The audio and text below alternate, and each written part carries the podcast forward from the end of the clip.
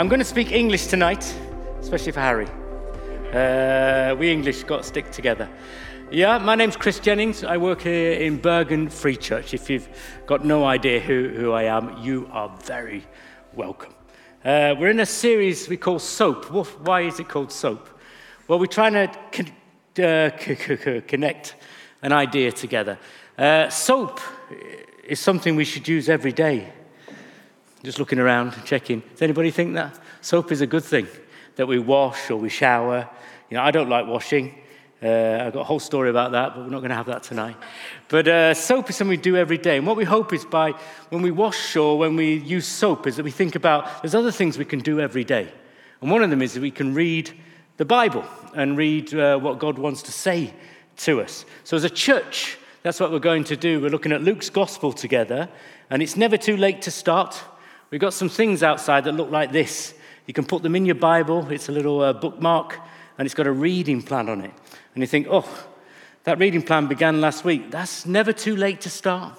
Don't worry, you can just skip a week or you can catch up. And if you think there's a lot there, if you go into that net site that uh, Andreas talked about, bergenfrikirke.no forward slash soap, as I would say, uh, you go in there, there's another reading list you can do, which is only 20 verses a day if you want a shorter uh, version. And there's lots of other stuff in there. But before I say what's in there, let's just go back to soap. So, what, what is soap? Why do we use the word soap? I say so we think about it every day. But also, it helps us think about a way that we can read the Bible, a really simple way. S stands for scripture. You can read it in Norwegian back me, behind me. O is for observation. That's in both languages. That you can think about who is Jesus in this text when we're looking at Luke. And then you can sort of think about, well, what does it say to me? And then um, application. I had to think a bit for English there. Uh, the next one for A, in other words, what does it mean for my life? What can I do with it? And then the last one is prayer, where we can use what we learn about Jesus to thank him and praise him, but also think about how it can affect my life in the day. So it's just an, a structure to help us read God's word or get something out of it. So that's why we're doing it together and trying to encourage each other. I don't know if uh, you find it easy to read the Bible every day. Somebody find it easy here? Nobody dares, you see, we're in Norway. You know, if this is America, you'd have your hands up. Even if you did or not. Just joking. There's nobody American here, is there? No, good. they're, mu- they're much better in Canada. He's from Canada. Woo! I'm joking. Don't quote me. It's not been recorded, this. It was this morning. So, let me not lose my place. Yeah, what else? That, that website, there's lots of good stuff in it, as I said. As Andreas said, there's these things from the Bible Project videos that give you an idea, and they're in Norwegian. You can find them in uh, YouTube. You click in there, uh, which give you a sort of overview of what Luke's gospel is about. And it's split into two, they're about seven minutes each. And uh, they're worth seeing. And they're worth thinking about what do they say about Jesus and his mission uh, and what Luke's gospel is about, and what don't they say about Jesus and his mission? Ooh, get a bit controversial here, because I think it's interesting if you watch them and think about who they say Jesus is. And my question is, is he that and more? But watch them yourself. Tomorrow night, as he said, I'm, I'm doing a Zoom meeting. And why are we having a Zoom meeting? Well, it's just if you read Luke and you think, I want to know a bit more. I want to go a bit deeper into what Luke's gospel is about. We're going to have a Zoom meeting and actually look at some of these things the Bible Project picks up on, and maybe some of the things it doesn't pick up on, and think about what does this tell us about Luke's gospel. So that's tomorrow night at, at uh, 8.30. I'll say it in, not say Holney, they are Holney, but in English I'd say 8.30, half past eight. That makes no sense to anybody. So that's tomorrow night. These talks we're having, we're having four of them. We've had one already on Luke chapter 7. Uh, today we're on Luke chapter 10. And next, uh, next week we're going to be in Luke 9. And then the last week, Stein is going to look at Luke 15. They're all looking at parables or stories that Jesus told. And we're going to be looking at how we actually interpret stories Jesus told. Sometimes it's simple to in- interpret a story he tells, and sometimes it isn't so simple, and you can wonder what is Jesus going on about. So, some things we're going to be thinking about today and about some of these other stories is that his stories have these main characters in them. So, you've got to think who are the main characters in this story? The next thing is to think about the, the main characters usually have a main point to make. So we're going to be looking at who the main characters are and what's the main point to make coming from that character. And the third thing we're going to think about is the stories are not just on one level, but there's usually a second level to them. Okay? So there's one level, you can understand them straightforward, but there's actually a second level because of other things going on. And lastly, we'll think about who am I in the story? So that's for you to think about, not for me. Uh, we're going to be looking at Luke 10, and uh, I'm going to read it to you. And I'm going to read it in English by translating it from Norwegian. And do you think that's going to go well? I don't know. But we'll give it a go, and then you can tell me later what I should have said. have I done any homework? Let's see. There was an expert in the law who would wanted to test Jesus. Master, he said, what do I do to inherit eternal life? What is written in the law? said Jesus. How do you read it? Jesus was very clever there because he wanted to test Jesus, but in the end, the man is the one who is tested because he has to answer the question. And he answered, You shall love the Lord your God with all your heart and all your soul and all your power and all your mind, and love your neighbor as yourself. Then Jesus said, Well, you've answered right. Do that, and you shall live. Now, when you really think about what he's saying, he's saying you must love God with everything and your neighbor. And that's not easy. In fact, what we'll find out is it's impossible. So we go further. The man wanted to justify himself. And he asked Jesus, Well, who is my neighbor? And he probably hoped Jesus would say, The two and three people you like, they can be your neighbor. But Jesus didn't. Jesus tells a story, and there's a lot going on in this story. So a man was on his way from Jerusalem to Jericho, and he was uh, beaten up or taken by thieves and robbers. And they ripped his clothes off, and they beat him up, and they let him lie there nearly dead. A priest came by the same way. He saw the man, but he just carried on and went past him. Then a Levite did the same. He came up to him and saw the man, but he also went past him. When a Samaritan who was on a trip, I must move, came and also to the, where the man was and saw him, he had compassion on him. He went over to him, he brought oil and wine and poured it on his wounds, and he bound them up. And then he lifted the man up onto his donkey and took him to an inn and took care of him. The next day, he gave two days' wages to the innkeeper to look after the man and said, If you have more expenses, I will pay them when I come back. Which of these three, which of these three which of these three do you think was the neighbor to the man who was um, attacked by the thieves and robbers? He answered, The one who showed mercy to him. And Jesus said, Go and do the same.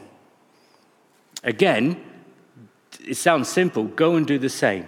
But what Jesus is saying is, well, the standard he's setting is so high that the man should understand he can't actually make the standard. Well, okay, in this story, as I said, there's main characters, there's a point for each character. We're going to be looking at this second level, and we're going to ask the question, Who am I? It started with two questions. The first one was, What do I do to be saved? And the second one was, Who is my neighbor? So we take the, one, the second one first. Who is my neighbor? Well, if you listen to the story, Jesus basically says, everybody is your neighbor. So where the man hoped he would have a short list, his list is unending. Everybody is your neighbor. So when we came back to the first question, what should I do to be saved? The answer is you can't do anything. It's impossible. But this is difficult for anybody there to accept because they want to do something to be accepted. And what Jesus is doing through this story is going to show them that actually you can't do anything. So let's look at the characters. And I said there are three, and you could say there's at least five. And I'm very bad at maths, which could be true. But uh, some of them are groups of people, and we're going to put them together. And they are the man who was beaten up, number one. Number two, there are the religious people, the priest and the Levite. And number three is the hero of the story, the Samaritan. So, who are these people? And what do they tell us? And what is that second level that we should understand? Well, let's start with the man who was beaten up. On one level, he's just a man who is physically beaten up. Who is he? We do not know. Because he's not just a specific man, he is every man and woman. And he is beaten up and he cannot rescue himself. He needs someone to rescue him. And in a way, it's as simple as that. But what is that second level? Because the original question was about eternal life, not about just life now, but life forever. And this man is a picture of all of us and how we are that we're all people who cannot save ourselves. We're all people who need someone to rescue us. The Bible says it very clearly that everybody is a sinner and has sinned. Now, I say that tonight, and that sounds like bad news, and it is. It is bad news. Uh, sometimes we don't want to admit it. And I think the people hearing Jesus, it was probably difficult for them to think, is that me? because they don't want to be that man. But I think, in a way, it's great that we can admit the truth. Because if you came to me tonight and you asked me, Chris Jennings, are you perfect? I would have to admit, well, not every day. And most of you know the truth. not every day, no. Most of you know the truth. Not every hour, not every minute that we think things and we say things and we do things that we know are not good and wrong. So, in a way, can we get this far? Who am I? Am I that man who cannot save himself and needs a rescuer? That's the first person in the story. So, we get to the next person. And we're not going to deal with the religious people first. Let's go right to the hero of the story. And when you think about this hero, the Samaritan, what can we say about him? Well, he was someone from the outside. He wasn't Jewish. The Jews viewed the Samaritans like, well, even though they were a bit like them, they were the enemy. And things had happened in Jesus' time. There had been problems with the temple, with Samaritans. Uh, people did not like people from Samaria. So when Jesus makes him the hero, this is a shock. But it's also a picture of this someone coming from the outside who was considered an enemy. The Samaritan didn't care that it was dangerous. And it was dangerous. There lies a man who has been beaten up. And what he risks is the people who did it are still there somewhere and could beat him up. But the Samaritan doesn't care because we find out he is motivated by compassion. He sees the man and he feels something. He feels love for him, love that will not let him do nothing but compels him to do something. That's the compassion he had. So he became the rescuer for the man who needed rescuing. And when he took him and he cared for him and he gave him to the inn, he then said he would pay for anything that needed doing. So this was a rescuer who didn't demand to be paid. The opposite, he paid for everything. And that's what we call grace. So, this Samaritan, full of grace, becomes the rescuer and gives that man who was nearly dead a new life. Now, when you hear about someone like that, who could that be? Now that we're in church, so it's not so difficult. I remember when I was a teenager, I had a Sunday school class, and they were very clever kids. And uh, sometimes I would, I would tell them things, uh, and, and uh, they would give me great answers. And one day I said, Well, I'm going to, what is this? I said, Something has a, has a tail and it's a bit fluffy and uh, it likes to eat nuts, and it goes around saying, and they said, What do you think? They'd said nothing. They said nothing. And I thought, What, is, is my impression bad? Wasn't it good? I thought it was very good, the tail and everything. And they said nothing. In fact, they looked a bit frightened. Fortunately, I had one in the class who always answered when no one else would. And she said, uh, it, it sounds like it's a squirrel. And I was smiling. And then she said, But the answer's Jesus, because we're in Sunday school. And the, the answer's always Jesus. Right? Amen? Yeah. So when we think about the hero, let's go back to the hero. Where's he gone? Where's my hero? no, it's shut down. Is there anybody back there? Oh, Jonas, you, you are the hero. Very good. We'll go, take me back to where I should be. yeah? When we list, look at that list of the hero, you could say exactly the same things about Jesus. He came from the outside to where we are, full of compassion. He didn't care about the dangers. In fact, he gave his life for us. He came with grace and met us as we are and has given us what we need. And through giving his life for us, he has opened up a new way to God through him. There's a verse I like, if I can find it. there, no. what am I doing, John? I need to go back to Romans, uh, Romans 5 and 8. Verses that describe Jesus and describe us. And in a way, I think they fit very well to the Good Samaritan story. And you can read it in Norwegian when Jonas finds him. That's it. Oh, you, what a hero. So, this is the verses. God demonstrates his own love for us in this. While we were still sinners, Christ died for us. For if while we were God's enemies, we were reconciled to him through the death of his son, and the bit that's not there, how much more, having been reconciled, shall we be saved through his life? But these verses, I think, are interesting that God's compassion, God's love for us, meant that he came for us when he knew everything about us. He didn't say, You have to sort out your life before you can come to me. But he came to us in our mess and loved us we are sinners. And like the Samaritan didn't ask the man anything because the man couldn't answer. But he went to him as he was and he gave him grace and mercy. And that's who Jesus is for us. We need rescuing. And the second level of the Samaritan is he is like Jesus. Jesus came to save us and to give us love and compassion and to give us a new life. So, we go further. That was the heaven we get to the religious people. Now, the religious people in this story, the priest and the Levite, I think we have to, we have to, we have to uh, uh, engage. We have to engage our feelings for a minute.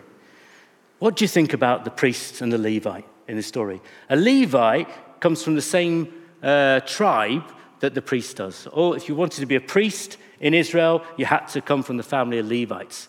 So he would have been one who maybe sometime he would become a priest too.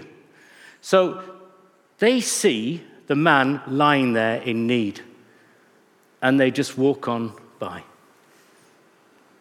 Is anybody provoked by that? No, it's Sunday night and we not, we don't care. but should, should we be provoked? Who should help those in need, if not those who represent God? But those who represent God here, they just carry on and disappear and ignore. And I start to think, yeah, that's, that's that on one level. And now, these people, the priest and the Levi, they had very good excuses. What sort of excuses did they have? You see, the priest, when he, when he saw the man, he would have thought about all the rules he has to keep as a priest. And rules to him were very important, not just to do the right thing, but not to do the wrong thing. And as he looked at that man, he would have thought that man could be dead. And if he's dead and I go over there, then I have to go in quarantine. And that was true. He had to go into quarantine for seven days if he went near that man. Now, we understand quarantine today. Has anybody been in quarantine? Some of you have, yeah. And seven days, that's a long time, isn't it? Some of you have been there, some of you in 10 days, maybe two weeks, and you've been there many times. Going into quarantine, nobody wants to be there. And for the priest, he didn't want to be there because it meant lots of things. It meant that he would lose money because if he wasn't working as a priest, he wasn't paid. And that was one of the terrible things. The other, the other thing is he would have to buy sacrifices that he would have to offer to, to sort out the fact that he touched a dead man. So he would lose lots of money and he would have to tell people that he had touched a dead man. And that, even though it shouldn't do, that would have been a bit of shame that you would have to live with. It's a bit like you having to tell people you've got COVID. I don't know how easy it is. You know, it's, oh, tested positive. You know, when, when we have to tell people, it's like, we shouldn't feel shame, should we? But, but you know what people are thinking? Oh, well, you haven't used your face mask and you haven't done this. So you feel a bit of shame. But there is no shame. Amen? No. But as that priest, he would have felt a bit of shame having to admit of touching a dead body. They would say, What were you doing there? I was trying to help him, but he was dead. The other thing is, if it wasn't a Jew, he would have to go into quarantine as well. So in his mind, it would cost him so much to money and time that he just didn't bother. He went away. And you think, ooh, is that a good thing? But we have to be careful before we point, point fingers. Because, like in politics, you start pointing fingers, then you find out you do the same. And you have to start explaining what you do. But the, the Levite, what about him? Did he have those same rules? No. But as a Levite, he would have looked up to the priest. Now, he actually went up to the man and had a look at him. The priest didn't. The priest just carried on. He didn't want to get involved. The Levite went and had a look because some people are a bit curious and like to see what's going on. And uh, like in a, when there's road traffic accidents, I don't know if you ever experienced it, all the cars slow down and they look across just to see you know, who's lying there and what's happened to them. It was a bit like that. He was curious. He went over and he looked at the man, but again, he decided, oof, and he went. Now, as a, as a Levite, he would have looked up to the priest. He was his uh, role model. And he probably thought, well, if the priest didn't do anything, I better not do anything. Because maybe, maybe that's wrong. He cared about his reputation. What would people say? The priest didn't do it, and I did it. What would they think about the priest? What would they think about me? And he thought it's too much trouble, and he carried on. Now you can think, on one level, they probably did what most of us would do sometimes. So I think we have to be careful before we judge them too much, even though it's fun to judge them. But on this, on this second level, I think there's a challenge here for you and me. And I think, yeah, I am like this people when I think about it. Because if you think about the man who is lying there, we're talking about life and death for him. But on that second level, we're talking about eternal life and eternal death. Who can help those who are lost? Isn't it those who have found Jesus and those who know him? So the challenge comes to us. I can have lots of good excuses, and I've got them, of why I haven't done this or why I haven't done that. But how will people find Jesus if us who know him don't sacrifice some of our time and resources to spend time with people? and be with them and get them, give them a chance to experience Jesus through us and hear about him. I want to tell a story, a true story, and it's uh, from America. And it's about a guy called Carnell Taylor and a man called Joseph Bryson. I'll take you back to 1996. If you look behind me, there's a map, and there's, uh, it's probably hard to say, it's Virginia, and in the middle of the map, there's a little 64. It's probably impossible to see. Can anyone see that 64? You've got great eyesight. That is a bridge over a river. And this happened on that bridge. 22nd of December, two days before Christmas, Carnell Taylor is working on that bridge with a team who are repairing things on the bridge, on the surface, on the roadway, and some of the structure over the Elizabeth River on Route 64 in Virginia. And as he's working, there comes a lorry, and the, on the bridge, there is a lot of ice because it's very cold. And this lorry comes along and starts to slide. And as it slides on the bridge, it hits Carnell. And Carnell falls 25 meters from the bridge into the river underneath. At the same time, there was a boat, and the captain of the boat, Joseph Bryson. Now, Joseph was alone on this boat, and he was working, and he was, he was going under the bridge, and he saw Carnell fall from the bridge. Joseph jumped into the cold water, and he used 30 minutes to save this stranger. Carnell later said from his hospital bed, Thank God he threw himself into the river after me. It was just like an angel. He appeared out of nowhere and he said, Don't worry, buddy, I'm with you. This makes me cry still, said Carnell, every time I think about it.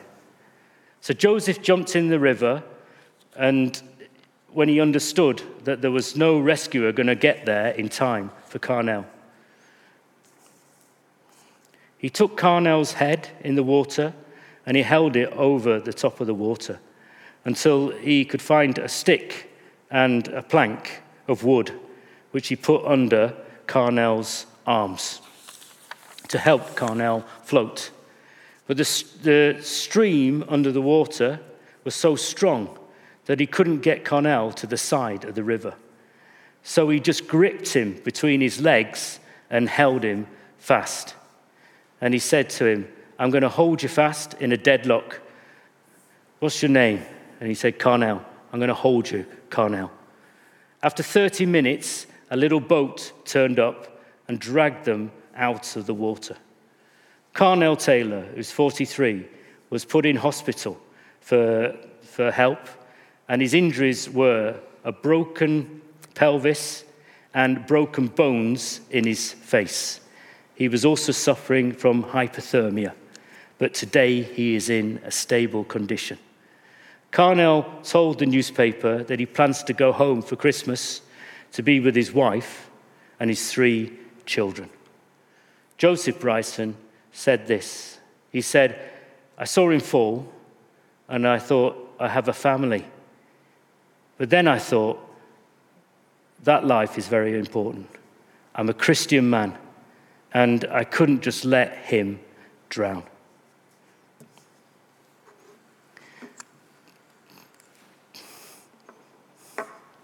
Joseph Bryson is the Good Samaritan in real life. He could have just thought, like I might have thought, if I go in that water, I'm dead too. But he didn't. He went in the water and he held on to that man and risked his own life. Jesus needs people who are willing to pay a price to help others find him. Question is, do we want to be one of those people? Now, we can't all be Joseph Bryson, maybe that's a little extreme, but I read a book that I thought was really interesting. It's by a woman called Rosaria Butterfield. She wrote a book called The Gospel Comes with a House Key. And what she says as Christians, we, we have an opportunity to make a real difference in a simple way. And she wrote about something she calls radical, ordinary hospitality. Now you think, why is it radical, ordinary? That sounds like, in English, we call an oxymoron. It's like two opposites together. Which is it, radical or is it ordinary? Well, it's ordinary because of what I'm going to tell you, but it's radical because we don't often do it. But she wants to help us see there are simple things we can do to help people who are lost find Jesus. So let me read you just what she said. Because what she talks about is the way we look at people affects what we do, but also how we look at what resources we have. So behind me, it's in Norwegian. I'm going to read it in English. Radical, ordinary hospitality. Those who live it see strangers as neighbors and neighbors as brothers and sisters in Christ. They recoil, recoil at reducing a person to a category or a label. They see God's image reflected in the eyes of every human being on earth.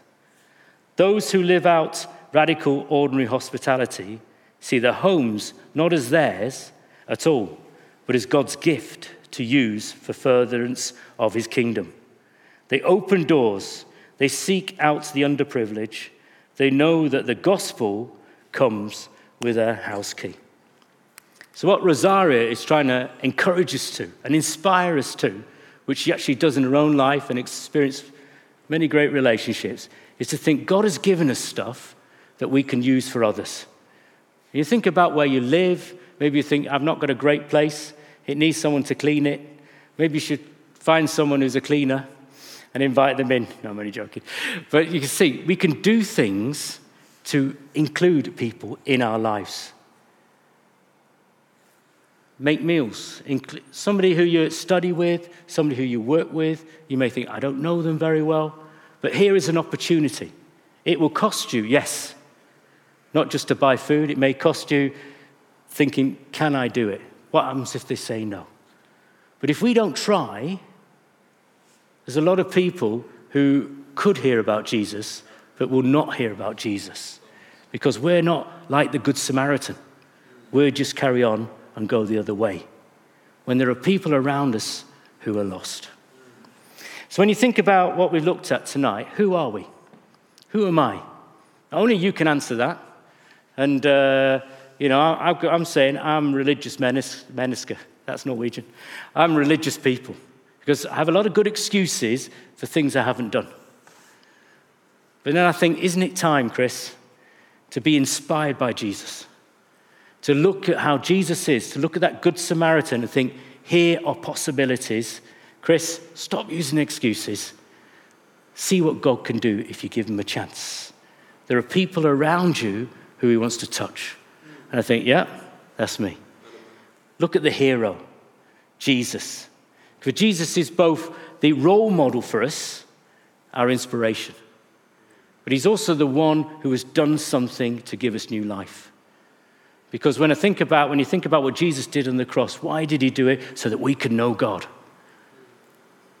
And that we could be loved by God and know his love and his forgiveness and acceptance. So when I look at Jesus, I think I want to be like him. Not just like the religious people that I sometimes am, but think about, yeah, Lord, use me, touch other lives. So before I come to the last one, I, list, I, list, I want to pray for us tonight. There's going to be prayer afterwards, and you can go and be prayed for, and I uh, recommend it. But I want to pray for you tonight for, for different things. So what I'm going to ask you to do is to stand up, if you can. Just close your eyes. Because when you think about who you are in the story, how is Jesus challenging you tonight? Is it that he's saying, yeah, there are people in your life, people around you, maybe they're strangers, but you have contact with, that I want to use you to touch their lives? What I want to do is pray for you. Pray for you both that you have Jesus' heart and that you see them as Jesus sees them and that you're willing to give him a chance to use you. So if that's you tonight, let's pray together. So let's close our eyes and pray. Lord Jesus, thank you. Thank you. You thought each of us was worth it, worth giving your life for, worth coming to. Thank you. You're our hero, you're our role model, and you're also the one who has been our Savior and given us new life. Lord, give us your heart. Give us your heart for ourselves and help us to understand how much we are loved by you. And Lord, help us let that love go through us to other people. Lord, you know the people in our lives. Maybe some of them are strangers we have a little bit of contact with, others we know quite well. Lord, help us open up our lives and invite them in, whether it be over a coffee, snacks, maybe a meal, to give you an opportunity to touch their lives through us. Lord, don't let us go past them and ignore them. But Lord, help us see that you want to use us to work in their hearts and help them go from being strangers to being friends and neighbors to being brothers and sisters in Christ. We worship you, Lord. We praise you. Praise you for everything you've done for us. Help us enjoy it and give that joy to other people through us, Lord. In your name, amen. The one I haven't talked about is the, the man who was beaten up. And uh, when you're here tonight, is that you? Now, I've said already, I'm, I'm both the religious and the beaten up man, and I need the person to rescue me. I need the hero, Jesus. Have you come here tonight and you haven't made that decision? You come and you realize, yeah, that's me too. I cannot save myself. I cannot do enough because that's the problem. We cannot do enough. But the good news is Jesus has done what we need for us. That's what the cross is about. That's what we celebrate every Christmas and every Easter. That Jesus came, God Himself, and gave His life for us. So that it's not about us doing, it's about us accepting. Accepting that we need to be rescued, accepting that Jesus is the rescuer, and letting Him be who He really is in our life God, our Lord, and our Savior. So if you come here tonight and you think, yeah, I'm that man, and I need that rescuer, and I want to make that decision and start a new life with Him, a life that's not just for months or years, but a life that's eternal. That's what Jesus offers, offers us a life with Him for always, where we know that we are loved, forgiven, and accepted as we are. So if you want that tonight and you think, I, I am that person, I want Jesus and to be rescued, we're going to make it easy for you. If we shut our eyes, so it's just between you and God, and you want to make that decision, I'm just going to count to three. And I'm going to ask you to put your hand up to show yourself and to show me, really, because I want to encourage you afterwards, but to show yourself that this is a brand new start for you. You're going to start a new life with Jesus and take him as your Lord and Savior. So, one, two, three. Is anybody who wants to make that decision this evening?